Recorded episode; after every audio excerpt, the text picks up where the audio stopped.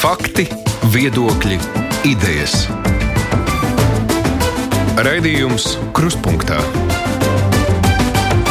ar izpratni par būtisko.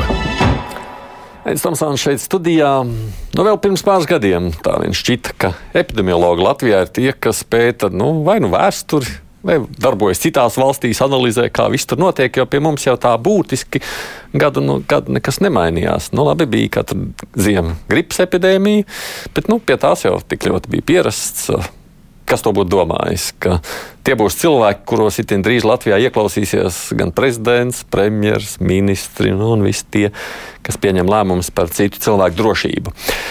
Man šīs dienas sarunas viesis, jo es atgādinu, ka pirmdienas ir kruspunktā lielās intervijas dienas, ir tas, kurš faktiski māca Latvijas epidemiologus. Viņš ir Rīgas Straņu universitātes profesors, sabiedrības veselības un epidemioloģijas katedras vadītājs Girts Brīdis. Labdien jums! Labdien! Jūs vispār domājāt, nu, nezinu, itin salīdzinoši nesenā pagātnē, ka Latvijai visticamāk nāksies piedzīvot kādu tādu jaunu epidēmiju?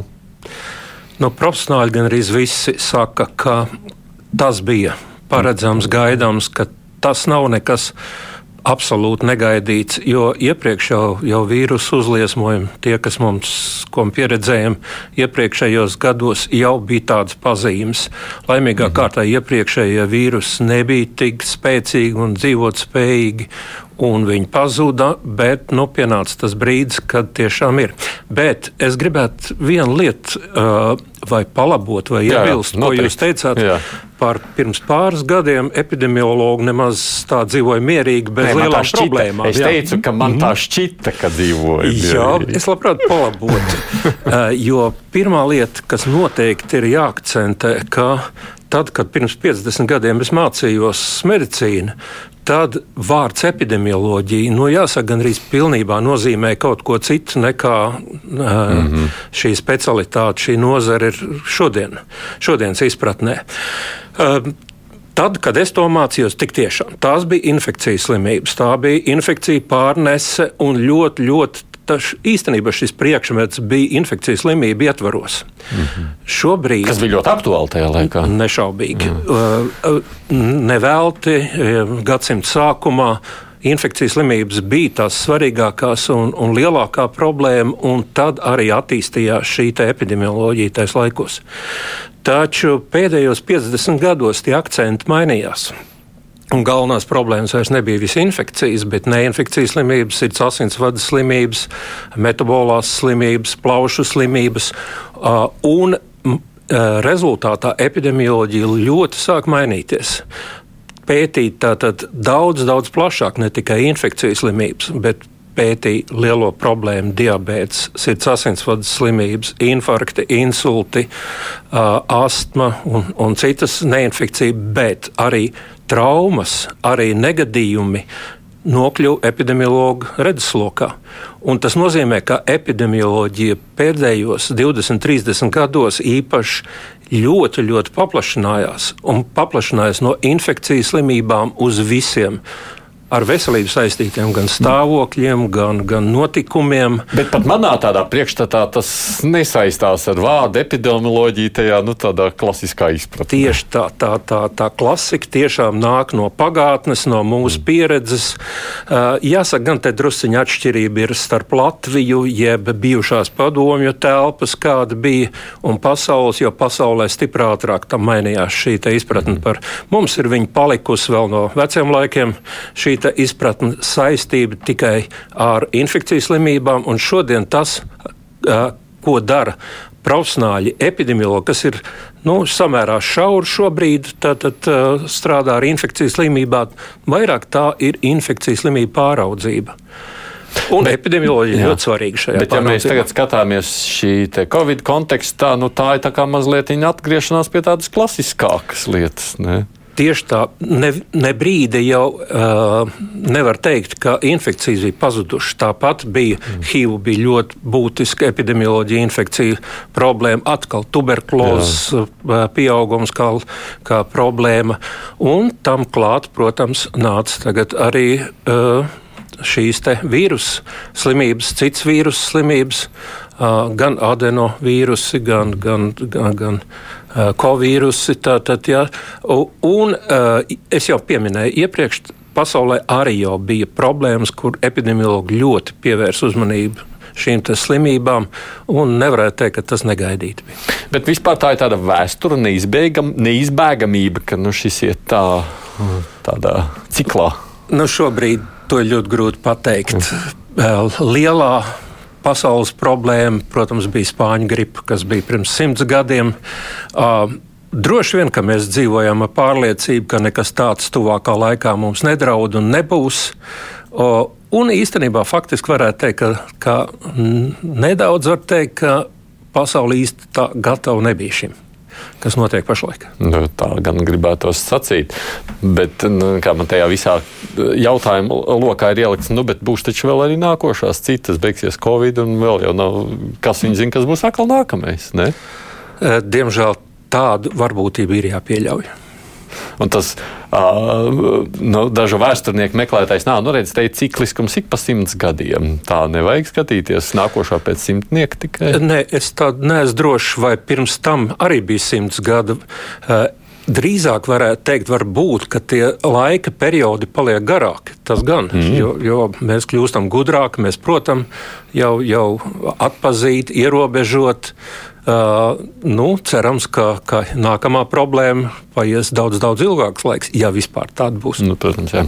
Un tomēr jautājums, kāpēc tādas rodas, tas droši vien ir tas pamatjautājums, ko daudz prasa. Kāpēc jūs prāt tādas rodas? Nu, viena slimība uzvaram, nāk nākamā.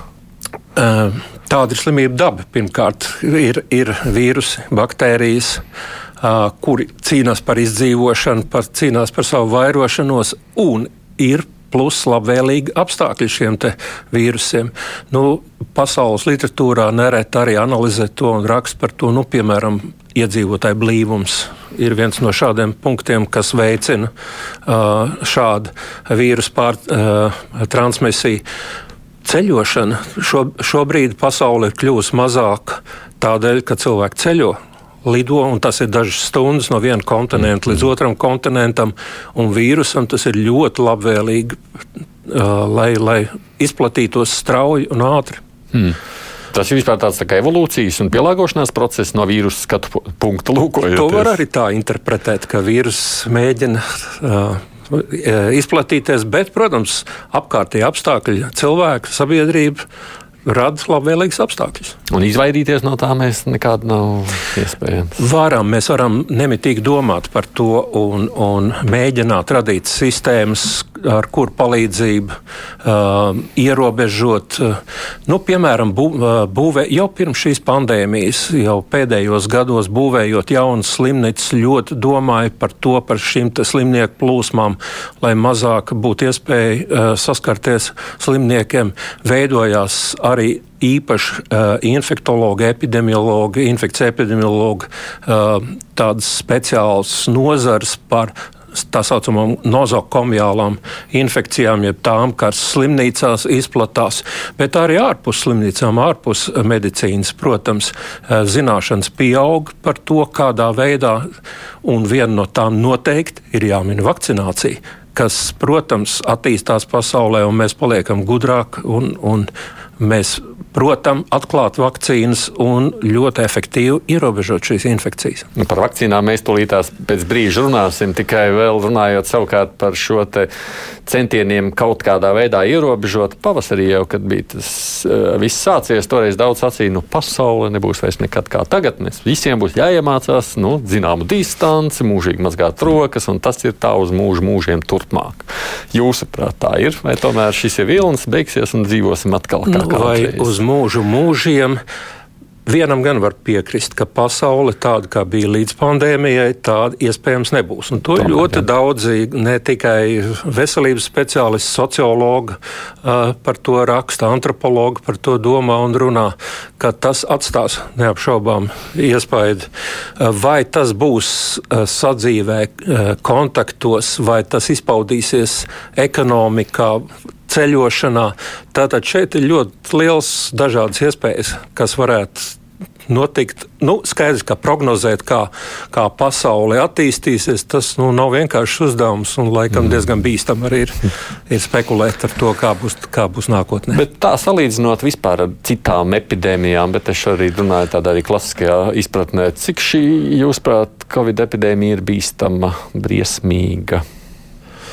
Visi salīdzinoši, salīdzinot ar citām slimībām, un, un pēdējā laikā ļoti daudz runā īpaši, kas ir skeptiķi attiecībā uz konkrēto vīrusu un pandēmiju, salīdzina piemēram ar gripu. Uh, un, uh, va, protams, arī gripa ir nopietna slimība. Tāpat cilvēki mirst no gripas, uh, tāpat ļoti strauji gripa izplatās, bet ir atsevišķi uh, parametri, jeb pazīmes, jeb īpašības uh, Covid-19 slimībai, vīrusam, kas izsauc šo slimību, kurš atšķir no citām slimībām. Viens ir tas, ka ļoti strauji, protams, izplatās šī slimība. Viņa ir ļoti lipīga. Vairāk nekā gripa.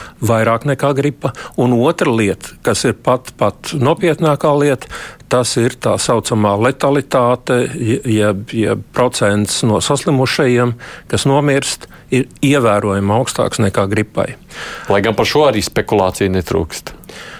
Te gan ir diezgan viegli ar skaitļiem šo spekulācijas atspēkot.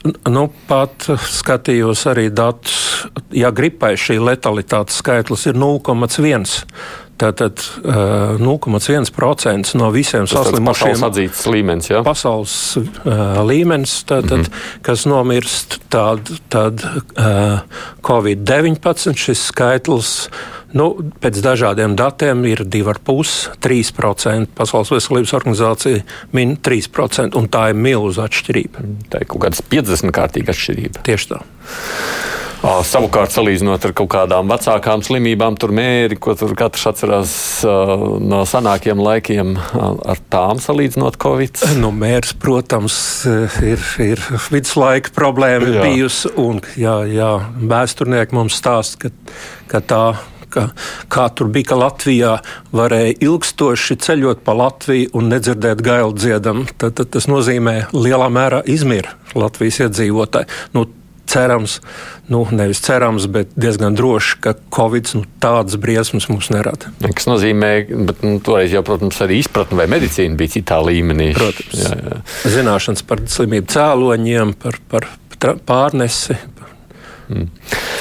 Kā tas ir nācies, jūsuprāt, ka mums iepriekš pavasarī izdevās no tādām dramatiskām sekām diezgan izvairīties, bet nu, pēdējo nedēļu notikumi, tīpaši pēdējo pāris nedēļu notikumi, diezgan satrauc?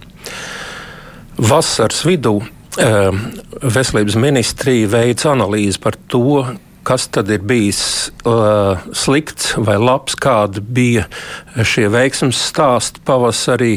Uh, tā, protams, arī kādas bija problēmas. Un tas secinājums kopumā bija, ka uh, tā veiksme ir daudzu dažādu komponentu, komponentu kopums. Vispirms bija ļoti laicīga reakcija. Uh, bija uh, tātad, ierobežojuši pasākumi no šodienas. Uh, viedokļu skatoties, viņi bija ļoti drastiski. Un šodien pat varbūt speciālisti teiktu, ka varbūt pat pārspīlēti, bet efekts bija, protams, acīm redzams. Uh, un ne tikai Latvijā, bet arī citās valstīs, kur bija šādi ļoti stingri uh, ierobežojumi. Un tā kā šobrīd faktiski šī distancēšanās, higiēna, uh, testēšana, tie ir galvenie punkti. Citiem vārdiem, nav medikamentu, nav vēl šobrīd vak vakcīnu. Tātad tās sekmes ir atkarīgas no tā, cik strikti mēs ievērojam šo distancēšanos, šīs higiēnas prasības, un Latvijā tas bija efektīvi. Es varu pieminēt vienu piemēru, ko nu pat lasīju literatūrā par Jaunzēlandi, ka Jaunzēlandē vēl šobrīd ir valsts, kur ir viena no viszemākām saslimstībām, un viņiem ir arī mērķis panākt, ka vīrus ir likvidēts bet viņi to ir izdarījuši ar ļoti, ļoti drastiskiem paņēmieniem. Viņiem imigrācija, jeb cilvēku ieplūdums valstī praktiski nav. Ir, ir robežas vēl ar vienu, ir slēgtas šobrīd, un ja kāds atgriežas no ārzemēm vietējais iedzīvotājs, viņš, jāsaka, piespiedu kārtā tiek izolēts vai, vai viesnīcā vai slimnīcā. Un tikai tad, kad ir pilnīgi drošs, bet rezultāts līdz ar to ir gandrīz nulle saslimstība. Mūsu Eiropā mums šāda situācija gan arī ir neiedomājama.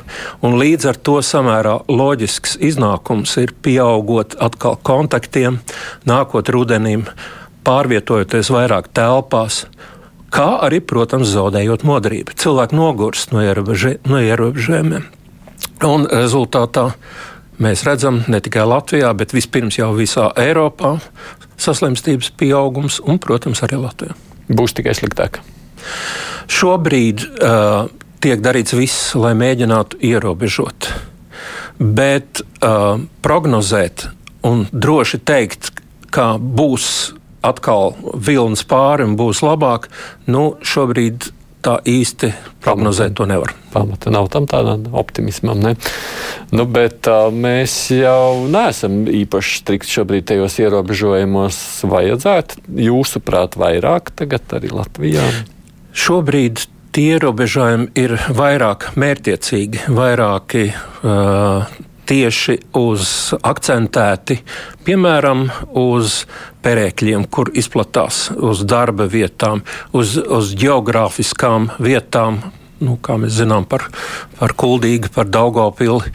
Uh, uz konkrētām skolām, kur ir šie uh, uzliesmojumi.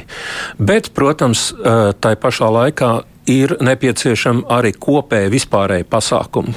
Un tas jautājums ir aktuālais par maskām, kā tiek, tiek veselības ministrija un SPKC aicina uh, lietot maskas sabiedriskos transportos, un to gan var prognozēt, ja tiešām situācija paliks sliktāka. Tad mums to masku lietošana būs, būs, būs plašāka. Kur, vēl, kur, vēl, kur vēl būtu jālieto? Visur tur, kur pulcējas cilvēki. Nu, piemērs es vienmēr pieminu, ka ir, ir mūsu Stradiņa universitāte, kur, kur es pārstāvu, un mums jau ir vairāk kā nedēļa ir strikta prasība, ka ieiet telpās, ieiet Stradiņu universitātē pa durvīm, drīkst tikai cilvēks, kam ir maska. Vai darbinieks vai students, tas attiecas uz visiem, bet šī prasība ir, ir, ir ļoti cieša. Tas nozīmē visur tur, kur, kur cilvēki pulcējas, kur viņi vairāk var būt prasība šo masku lietot. Jums tas dod kādu labumu. Mēs jau redzam, ka tur skolās parādās slimības. Jums pašlaik ir labi. Stradiņa universitātē, es teiktu, tiešām ir labi šobrīd, bet te ir ne tikai maskas, protams, studenti ļoti mācās attālināt, arī ir, ir tikai tur, kur nevar savādāk, kur nu, jāmācās pie pacienta vai, vai, vai kur nepieciešams šis te, uh, kontakts. Ir, tie ir, jāsaka, īpaši izņēmumu gadījumi pamatā mācības notiek attālināti. Vai tas dod rezultātu? Nu, protams, nekāda pētījuma skaitļa tā par masku lietošanu šobrīd, bet te es gribētu skeptiķiem teikt, kur, kur netic maskām. Jā, Varbūt es varētu arī oponēt Pēterim Apinim par, jo, par, par masku lietošanu drusciņu. Jo jā, pavasarī tā vairāk bija spekulācijas, kas balstījās uz, uz vīrusu izmēriem, bet šobrīd to pierādījumu, zinātnisko pierādījumu ir krietni, krietni vairāk. Man ir kārdinājums atstāstīt vienu eksperimentu, kas man ļoti patīk, no, ko es izlasīju. Par kāmīšiem. Izrādās arī kāmīšiem līp šī slimība, un eksperimentētāji vienā krātiņā ievietoja kāmīšu, kam ir slimība, un kāmīšu, kam nav slimība. Un konstatēja pēc laika, ka divas, trīs ceturdaļas no kāmīšiem, kam nebija, ir ieguvuši šo infekciju, ir saslimuši, tātad ir aplipuši. Un tad uh, pētnieki izveidoja speciālu kāmīšu masku, no audumiem, un, un uh, tiem kāmišiem, kas nebija slimi, uzlikt šo masku. Nevarētu teikt, ka neviens nesaslima, bet tad vairs nebija viss trīs ceturdaļas, bet bija viena ceturdaļa tikai saslimusi uh, no šiem Uzlika kāmišiem. tiem, kas nebija saslimuši. Tas nebija. Tātad, kam nebija šī slimība, tas nozīmē, ka, ka uh, arī tiem pasargā. Un to var arī izskaidrot, kāpēc.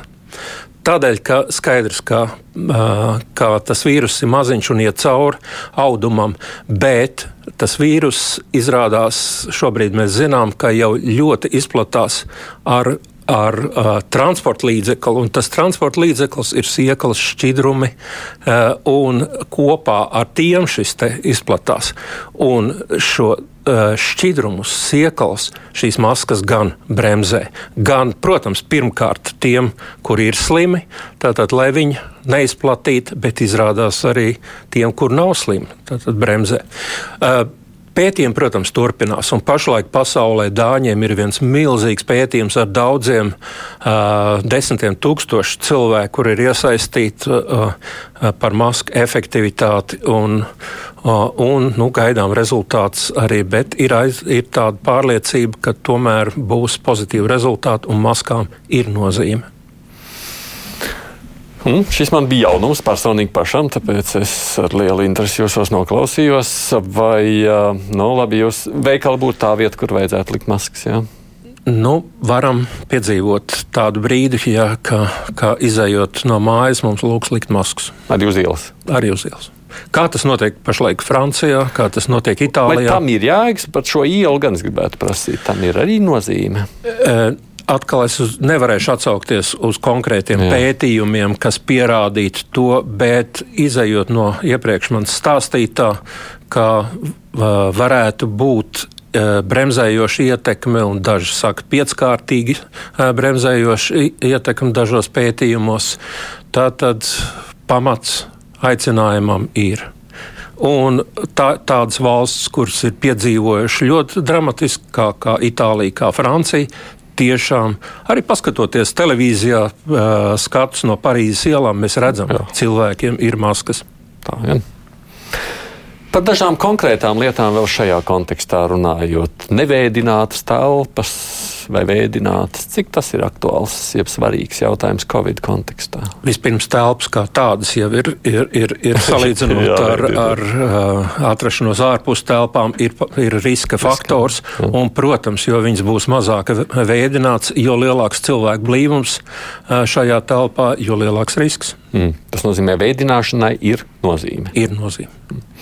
Ja savukārt skatāmies uz tiem kritiskākajiem saskares punktiem, mēs runājam par to, kur varētu, kur nevarētu vīrusu uz kādām virsmām uzsēsties un kurā vietā būt.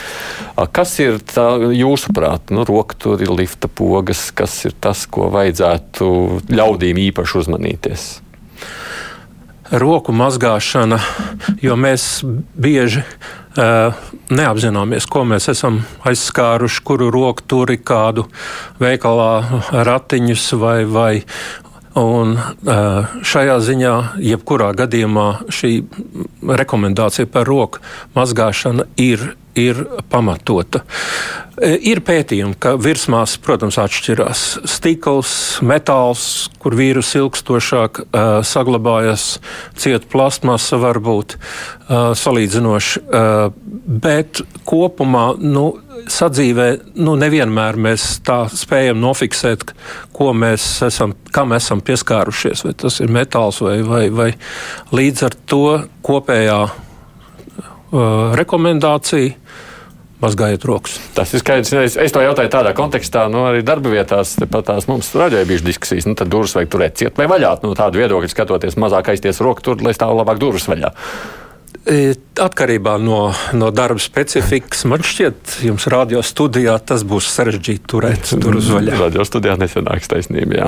Savukārt, runājot par maskām un vairogiem, vēl viens jautājums ir tā saucamie nu, stikla vairogi, vai, vai kā lai sauc, cik tie ir efektīvi un kāda Uh, nu, ja mēs to salīdzinām ar maskām, uh, nozīme.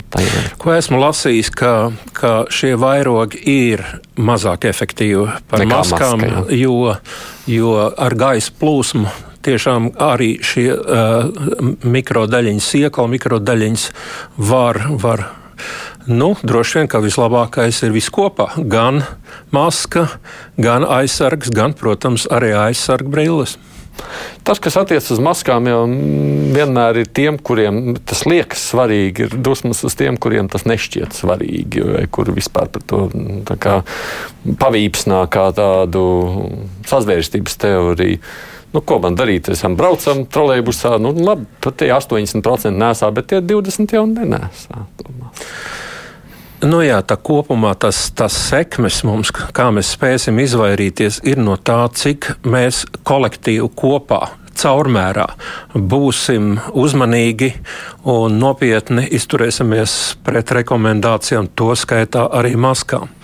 Šeit es gribētu pieminēt, ka uh, tie, ja, ja cilvēki brauc sabiedriskā transportā, uh, jūs teicāt, ir dusmas uz tiem, kuriem šīs maskas nav. Tad varbūt sabiedriski pieņemamā veidā varbūt ir vērts šis dusmas arī pateikt tiem cilvēkiem, kas sēž bez maskām un Negribas jau, dabūt atpakaļ, negribas jau dabūt atpakaļ muļķīgus. Nu, Protams, reakciju. ka tas raisa konflikta situācijas un, un mazliet drosmei un uzņēmībai ir jābūt aizrādot. Bet, ja būs kopā sabiedrībai šāda mazāka iecietība, jeb neiecietība, tad, tad tam varētu būt efekts. Nekādu citādi es sev nevaru paskaidrot. Nu, kaut gan jūs teicāt, ka maska arī mazliet.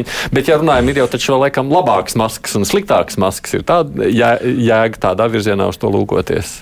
Jā, jebkura maska šobrīd, eh, nu, protams, kur nav viena marlis kārta, bet kur veido vairāk saudumu kārtas, var būt efektīva un aizsargājoša. Un tāpat ir nozīme, kā tā maska pieguļ, cik viņa pareizi tiek nēsāta. Nu, tātad, ja kādam ir tikai uz zodu uzlikt šī maska, protams, ka tur nekāds efekts tas ir mhm. uh, simboliski tam, tam viņai pareizi būtu jābūt uzliktai.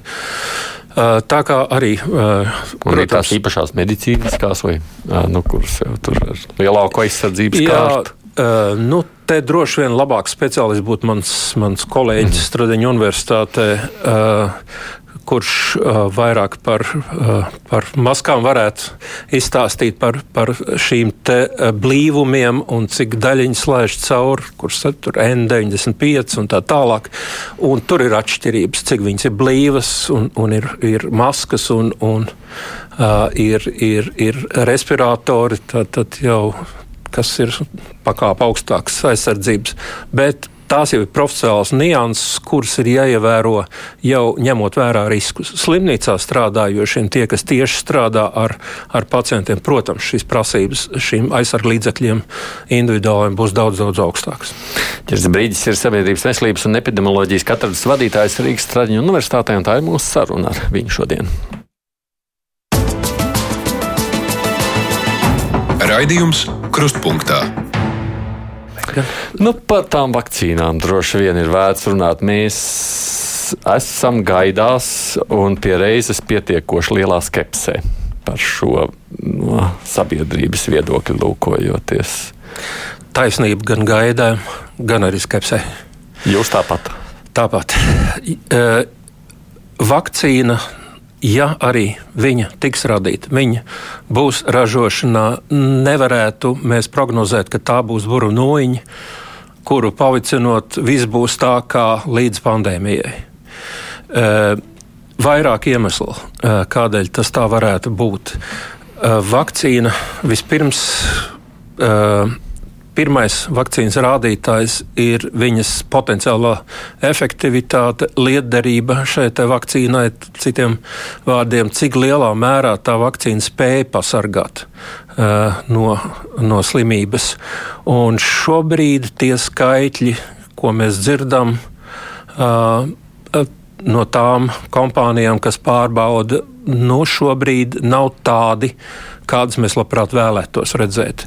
Ir runa par 50, 60% eh, šo potenciālo lietderību, kas varētu būt par maz priekšlabs. Tas, protams, ir daudz, daudz vairāk nekā nulle. Jā. Eh, bet, bet tik un tā, labprāt, mēs redzētu 70, 80% liederību. Tā kā nāk gripa, piemēram, tur jau arī cilvēki saka, nu redz, vakcinējos saslimu. Protams, tāpēc, ka šī liederība nav 100%, un vēl gripai vēl ir īpatnība, ka šis antigēns var būt atšķirīgs. Gripai dažādi paveidi, un tā sacīt, tā vakcīna var netrāpīt pa īsto. Uh, Otra lieta par vakcīnu un problēmām, protams, ir uh, pieejamība šai vakcīnai. Jo uh, šobrīd tieši Pasaules veselības organizācija ļoti aktīvi runā par to, jau prognozē to brīdi, kad būs vakcīna pieejama, viņi ražos, bet jautājums, cik pasaules valsts un kādā pakāpē šīs vakcīnas varēs dabūt. Noteikti Eiropa, Eiropas Savienība, Savienotās valstis, dažas citas attīstītās valsts bū, būs priekšrocība šīm valstīm. Šī pieejamība varētu būt labāka, un mēs jau zinām, ka šobrīd Eiropas Savienība ir garantējusi noteiktu vakcīnu skaitu, kur tāpat arī Latvija, kā, kā Eiropas Savienības dalība valsts. Taču globāli pasaulē skaidrs, ka iesākuma periodē visiem noteikti nepietiks šīs vakcīnas. Un nākamais būs, cik procenti no visiem cilvēkiem vakcinēsies. Un ko mēs dzirdam šobrīd, kas ir ļoti, ļoti satraucoši, šī ir skeptiskā attieksme pret vakcinēšanos. Un ne tikai Latvijā, bet arī eh, citās valstīs. Eh, Britiem bija aptauja, kur tāpat šī skepse ir diezgan liela. Tie visi ir tie punkti kopā, kas mazliet nu, uh, mazina šo optimismu saistībā ar gaidāmo vakcīnu. Es zinu, kā tas izklausīsies, un es zinu, ko man pat cits sacīt. Es teiktu, nu kas, nu labi, nevakcinējās, ja viņi grib mirt, lai mirst. Nu, kas mums par daļu tie, kas grib izdzīvot, lai dzīvo? Nu, tā gluži nevar. Te es varētu no sabiedrības veselības piemērus ņemt par. par varbūt ne vakcīnas, ne infekcijas, bet, eh, nu, piemēram, amerikāņiem, kur ir ļoti centrēti uz individu, varbūt, ka individiem šīs tiesības un, un veselība ir katra paša pirmkārt individu eh, daļa eh, darīšana.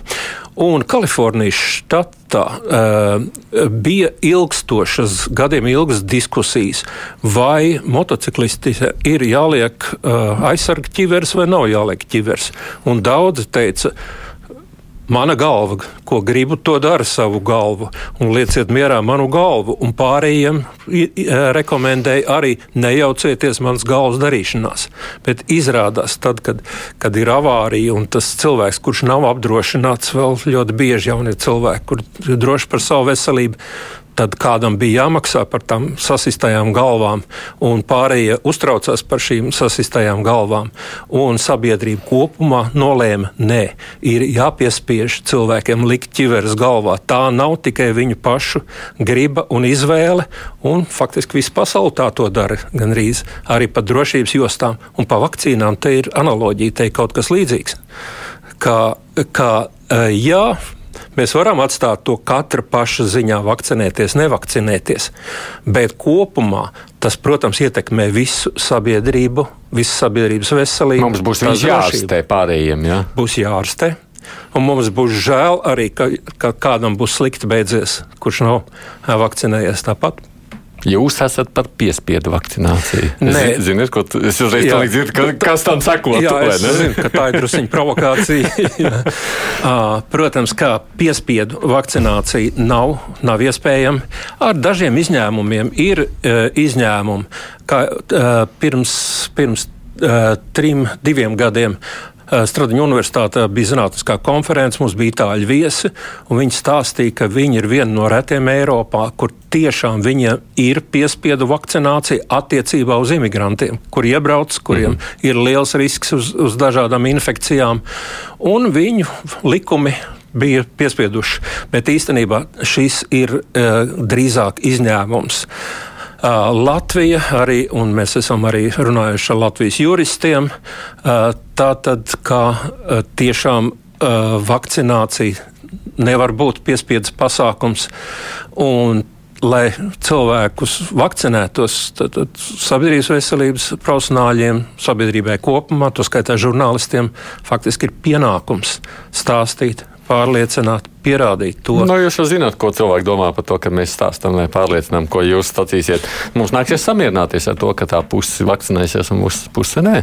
Nu, tik ļauni varbūt es nebūtu tik, tik pesimistisks, jo cilvēki, protams, ja argumentēt cilvēkiem stāstu, viņi saprot, tad lielākā daļa, ne visi, bet lielākā daļa tomēr pakļaujas loģikai, argumentiem Un es esmu optimistiskāks. Es domāju, ka ir iespējams. Bet tas, protams, nav viegls darbs. Bet tajā es, nu, jums ir droši vien nācies lasīt tiem cilvēkiem, kas cīnās pret vakcīnām, nu, to viņu argumentus, loģiku un tam līdzīgi. Jūs tur neatrodat nekādu patiesības graudu viņu bažās, skepsē?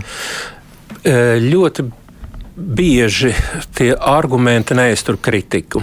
Un galvenais jau arguments ir e, zinātniski pierādījumi un ticība. E, ja mēs operējam ar zinātniskiem pierādījumiem par to, ka Uh, ir pētījumi, pie tam pētījumi, kas balstīti uz noteiktām metodikām. E, zinātniekiem ir dažādas drošības sistēmas, kā, kā savstarpēja recenzēšana pirms publicēšanas. Un mēs esam pārliecināti, mēs ticam, ka šie ir paši labākie pierādījumi par patiesību, mm. par, piemēram, par vakcīnu uh, efektivitāti, par viņu drošību. Ja pretī ir argumenti, ir tādi, ka visi zinātnieki ir nopirkti, tad, protams, ir ļoti, ļoti grūti argumentēt ar, ar, ar šādiem cilvēkiem. Un jeb nereti arī šiem vakcīnu, piemēram, vai, vai zinātnes pretiniekiem pat pietrūkst tā, un viņu savu argumentāciju jau pārvērš agresijā. Tad, protams, ir ļoti ar, grūti ar šādiem cilvēkiem diskutēt, un efekts varbūt nav tāds. Vēl viena lieta, ka cilvēki, skeptiskie cilvēki, nereti grūtāk sasniedzami. Viņi, piemēram, dzīvo savā Facebook burbulī, maz interesējas par pārējiem argumentiem, uzklausa tikai to, ko viņi grib uzklausīt. Un tā ir vēl viena problēma, kur faktiski profesionāļiem būtu būt pienākums ielausties šai burbulī un mēģināt sasniegt šos cilvēkus. Es to, protams, arī par žurnālistiem, ne tikai par sabiedrības veselības protams, specialistiem jā. un epidemiologiem. Mēs gan nezinām, kā tai burbulī ielaužas. Tas ir grūts uzdevums. bet ne, neiespējams. Jā, viņi jau gan vairs netic arī tad, kad ielauzies. Nu, bet vēl ir tās pieredzes jautājums, Zana raksta, nu, bet notiek kādēļ tā? Ne, nevienu gadu nevakcinējos pret gripu, nekas slikts nenotika, bet tikko vakcinējos, tā pazeminājās imunitāte un biežāk sāku slimot. Jā, bet eh, jautājums atkal par pierādījumiem. Ko, ko nozīmē pierādījumi? Kas tas ir? Pirmkārt, zinātnē pirmais uzdevums ir izslēgt sagadīšanos. Eh, un tas ir modernās epidemioloģijas viens no stūrakmeņiem eh, izmantojot ļoti, ļoti jaudīgu instrumentu. Tas, tam instrumentam vārds ir statistika. Ar šīs statistikas palīdzību mēs varam uh, mēģināt izslēgt visus iespējamos faktors, kas vēl nosaka veselības iznākumu. Un šī imunitātes pasliktināšanās varēja būt nekādā sakarā ar tieši ar to vakcīnu. Tur ir bezgalīgi daudz dažādu citu iemeslu, kādēļ tas varēja notikt. Bet, lai mēs pateiktu, vai tā bija sa, sagadīšanās, Tam mums ir zinātniskie instrumenti, tam mums ir šie pētījumi, tam mums ir statistika, kur tiek izmantot epidemioloģiskos pētījumos. Nu, otra lieta, protams, ko visi cilvēki saka, nu, kā tad ar tām medikamentiem? Man te ir vairāk vēstuli. Kur ir zāles? Ar zālēm mums ir lielāka cerība nekā ar vakcīnu. Nevarētu teikt, ka nav nemaz šobrīd. Nu, jau ir pagājis pusgads, un, un jau ir parādījušies medikamenti, par kuriem ir pārliecība, ka uh, Viņam ir e, efekts, var minēt to pašu remsedivīru, e, ar kuru nu pat prezidents jā, Trumps, Trumps tika, tika ārstēts. Nu, ne tikai viņam tur veseli bez šaubām. Bez šaubām jā. Un, tā tad ir. Mums jau, jau parādās medikamenti, tāpat ir pierādīts akūtos, smagos stāvokļos šie glikokortikoīdi, hidrokortizona efektivitāte. Tā kā zinātne virzās uz priekšu, mums jau ir Eh, zināms, zinām, efektīvi. Par D vitamīnu noteikti jāpiemina, ir zinām, pierādīti jau protektīvā. Eh, bet tādu brīnumu līdzekļu, kas varētu mums atrisināt visas problēmas, protams, šobrīd vēl nav. Bet zinātnē ļoti aktīvi strādā. Cik tas varētu būt ātri, jūsuprāt, cik tas process aizņem laiku?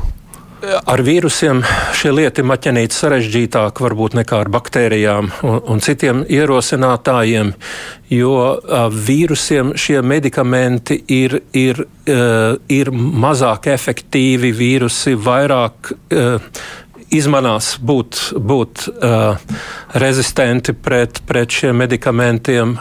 Viņi mainās šie vīrusi, un uh, tādēļ arī ar medikamentiem attiecībā uz vīrusiem ir, ir, ir grūtāk. Trumpa ārstēšana kā eksperiments, ko vismaz žurnālistikā tā tas tiek arī aprakstīts, ir viens mācību stunda, no kā var mācīties arī citas līdzīgi ārstēt.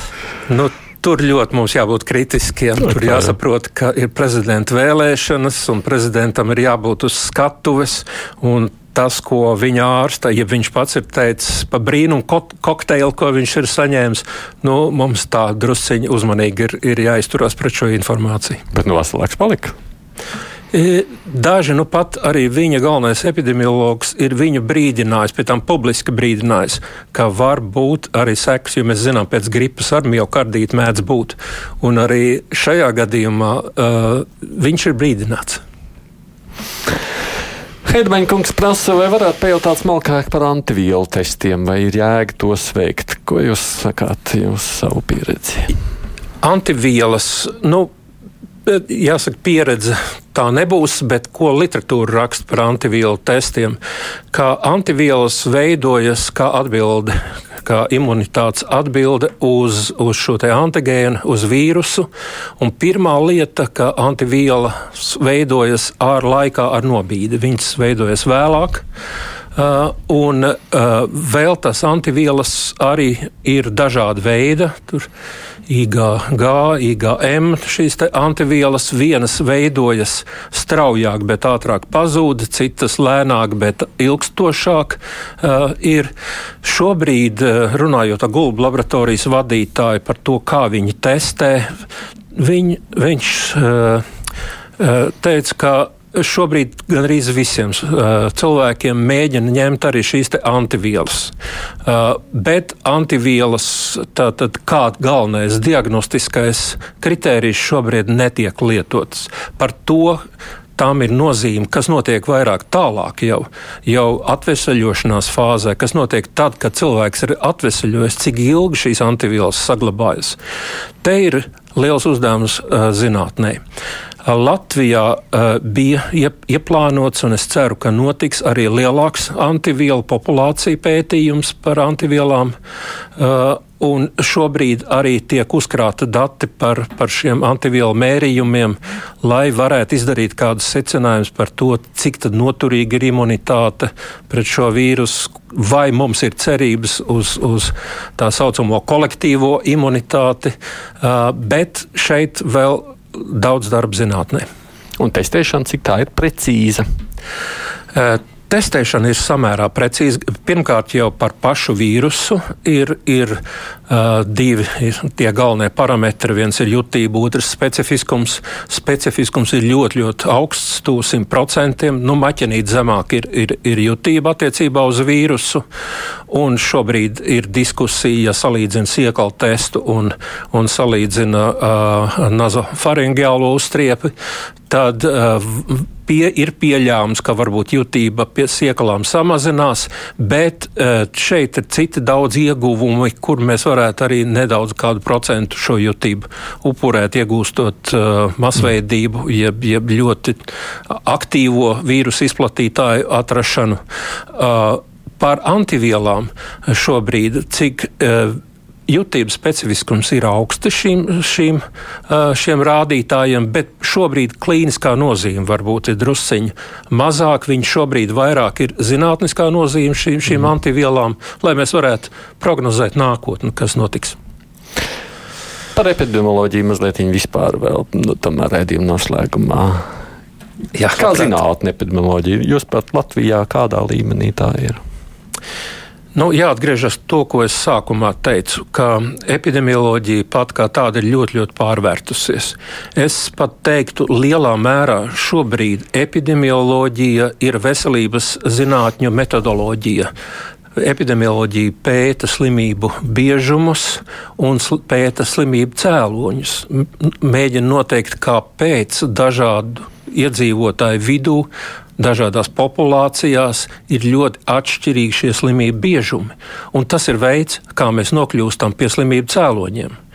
Uh, Latvijā epidemioloģija e, šobrīd ir jau viena no medicīnas uh, studiju uh, pamata uh, disciplīnām. Ir visiem studentiem ir šis priekšmets, uh, un uh, šobrīd vēl ciešāk pēdējos, uh, pēdējā gada laikā ir sasaistīts ar zinātnes metodoloģiju. Uh, Otra lieta notiek ne tikai medicīnā, kā, kā zinātnes metodoloģija, bet epidemioloģija ir sabiedrības veselības pamatdisciplīna. Tā kā ķirurgam anatomija, tā sabiedrības veselības speciālistiem pamatdisciplīna ir epidemioloģija. Un Latvijā ir uh, specifi, specializēta sabiedrības veselības izglītība, ir bakalaura programma, maģistra programma, kurās visās viens no pamata vissvarīgākajiem priekšmetiem ir epidemioloģija. Un tas nozīmē, ka maģistrs vai bakalaurs izstrādājot savu darbu, lielā mērā izmanto epidemioloģiju un balstās uz epidemioloģiskām metodēm, lai izdarītu kādus uh, zinātniskus uh, secinājumus.